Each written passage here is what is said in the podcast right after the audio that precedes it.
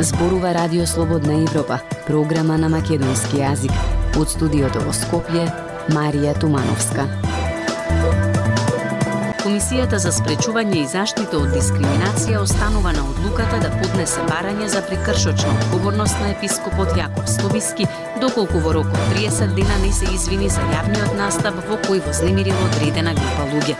Комисијата во никој случај не може да забрани јавен настап, но во случајот слободата на изразување е злоупотребена за да и се наштити на одредена група луѓе.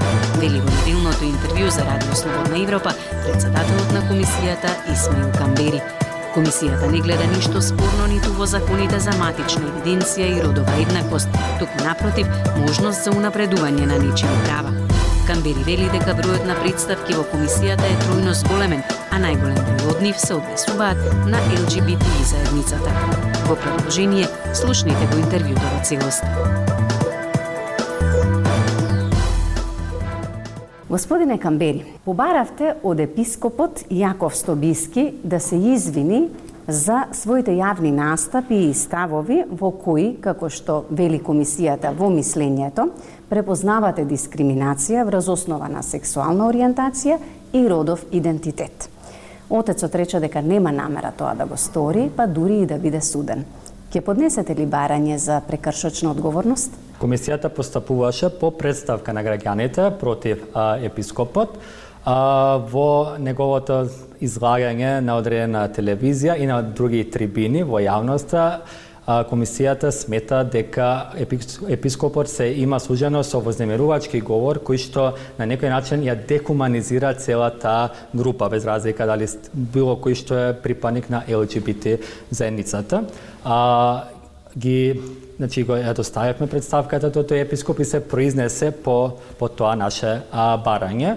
Главниот проблем кој што ние го наидовме во неговото излагање беше дека трансродовите лица ги нарекува дека се со ментално расстройство.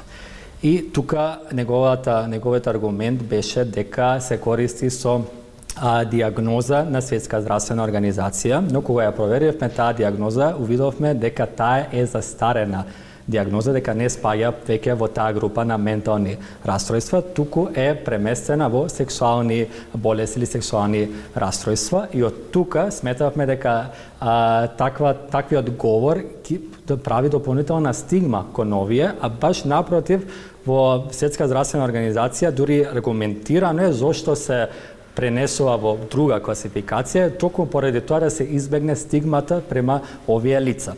А, и во мислењето дадовме препорака на епископот во рокот 30 дена да се извини на оваа група на лица, но исто така и во иннина, во неговите јавни настапи, да се воздржи од било какви содржини кои што би можеле да ја воздржат а, оваа група маргинализирана. Да ја вознемират, мислите? Да, да ја вознемират оваа а, група. Така да и тука морам да напоменам, бидејќи читав на одредени портали дека ние забрануваме јавни настап или нешто слично, во ниту еден случај комисијата, ниту па било кој друг, може да забрани јавен настап на било кое лице. Но не ми кажавте дали ќе поднесете барање за прекршочна одговорност доколку не се извини епископот? Доколку во рокот 30 дена не се извини, што мислам дека веќе имаше изјава дека не не планира да се извини, тоа е во ред, мислам тоа е негово право, тогаш комисијата согласно надлежностите што ги има ќе поведе прекршочна постапка. Дали не е ова на некој начин исто така дискриминација од ваша страна во однос на црквата и тоа што таа сака да го изрази како свој став? Не, воопшто, видете. Значи, ние промовираме, оке да има дебата. Баш продуктивно да секое обштество да има дебата. Се додека има дебата, нема да има простор за конфликти помеѓу било кои спротивставени групи. Слободата на говор или било кое право што ни е дадено завршува до моментот, до границата каде што веќе со нашето право повредуваме некое туѓо право. Тоа според Европска конвенција за човекови права се вика злоупотреба на правото. А во конкретниот случај мислите дека токму тоа го направил епископот Слобиски? Да, како што кажав, слободата на изразување е злоупотребено со цел да се наштети на одредена група. Инаку во секој случај то, до, значи секој може да даде со свој став. но сепак тој став треба да биде изразен на начин кој што нели нема да ги пореди тугите чувства, туку ќе се окаже едноставно својот став што мисли и зошто мисли дека тоа не треба да биде така. Веќе ние тука имавме исто така зборови како тие се педофили, сатанисти, што дефинитивно не е аргумент за тоа дали треба се донесе или не треба се донесе било каков закон. Ги спомнавте Камбери спорните закони, значи законот за матична евиденција, законот за родова еднаквост, поради кои беа и протестите организирани од МПЦ. Дали вие како комисија гледате нешто спорно во тие закони или некои конкретни членови, одредби кои за вас се спорни? Законот за матична евиденција, колку што знаеме, повлечен од собраниска процедура, но мора тука да напоменам дека веќе Европскиот суд за човекови права има донесено пресуда против Република Северна Македонија, каде што на лице XX, биќе анонимизирано, а и се наредува на државата дека треба да му возможи на тоа лице промена на полот. И тука сме на чисто, значи ние ако се стремиме нели и кон Европска унија и кон сите а, а, организации кои што се бенефит за нас, пак треба ги почитуваме тие одлуки. Тоа до ден денеска не е спроведено од наша страна во поглед на законот за родова еднаквост, ако го читаме, скори воопшто да нема, да не се споменуваат ниту трансродови лица, ниту нешто слично, ниту па а, дека се мисли на семејството или на бракот или нешто слично, туку напротив,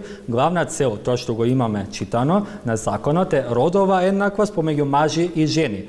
Што значи тоа? Поголема застапеност на мажите во институции, во фирми, на јавни функции, така натаму и така натаму. Државата се стреми кон тоа да направи механизам, институционален механизам кој ќе гради политики за да сит родовите бидат поеднакви. И тука не може самиот принцип на зголемување на правата на некого да, да штети на некое туго, на туѓо право. Мислам, тоа е малце контрадикторно едно со друго. Во годишниот извештај за работата на комисијата со која што во моментов раководите, се пофаливте со тројно зголемување на бројот на представки кои што сте ги добиле. Во кои области се забележуваат најголемите прекршувања на човековите права, односно каде има, во кои области има најголема дискриминација? Од 255 представки, во 70 е утврдено дискриминација. Од тие 70, 36 се спрема ЛГБТ заедницата во, во нашата земја и тие на, во најголем во најчесто а, тие представки се однесуваат во областа на медиумите и јавното информирање, особено исто така на социјалната мрежа Facebook, каде што и поистакнати, да речеме, членови на нашето општество ги деградираат и ги вознемируваат припадниците на ЛГБТ заедницата. Колку од тие представки, од вкупниот број на представки кои што сте ги добиле, завршиле со конкретна судска пресуда и евентуална казна за дискриминаторот? Да, во поглед на казни до сега имаме две потврдени казни, а другите постапки се во тек, бидејќи сега и судовите знаат на моменти да бидат малку бавни продолжување на рочиштето, не секако ние сме повеле прекршачи постапки за сите предмети каде што сме утврдиле дискриминација, а дискриминаторот не ја исполни препораката. Позитивна работа е што во последно време дури институциите позитивно одговараат на нашите а, препораки што ги даваме за отстранување на, на дискриминацијата, така да и тоа е добар знак, индикатор дека и веќе комисијата ја гледаат како релевантно тело, бидејќи на почетокот бидејќи не бевме уште познати, нели пак имаше различни мислења во однос на институционалното постапување, но сега веќе имаат слог институциите во тој поглед. Има и многу случаи кои што не се евидентираат, на пример ќе понесе поносител представка и во меѓувреме а, дискриминаторот или потенцијалниот дискриминатор ќе ја реши состојбата и во тој случај поносителот ја повлекува само представката. И тука статистички се гледа дека е само повлечена, не дека имало дискриминација или исполнета е препораката, да? така да има и такви позитивни случаи и во приватниот сектор, но и во на институционален сектор. Во период на затегнати, еве да речам, чувствителни еве односи помеѓу е, нашата држава и Бугарија, е, колку представки, на пример, сте добиле од државјани кои што се жалат е, дека им е повредено правото на бугарска самосвест или се пожалиле на говор на омраза? Да.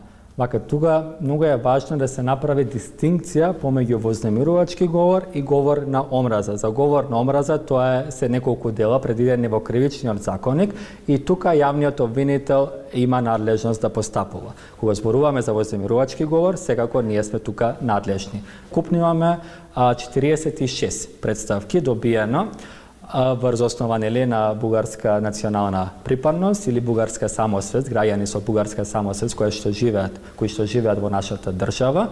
И од тие 46, околу 36 се понесени од едно здружение, додека другите се понесени од а, физички лица.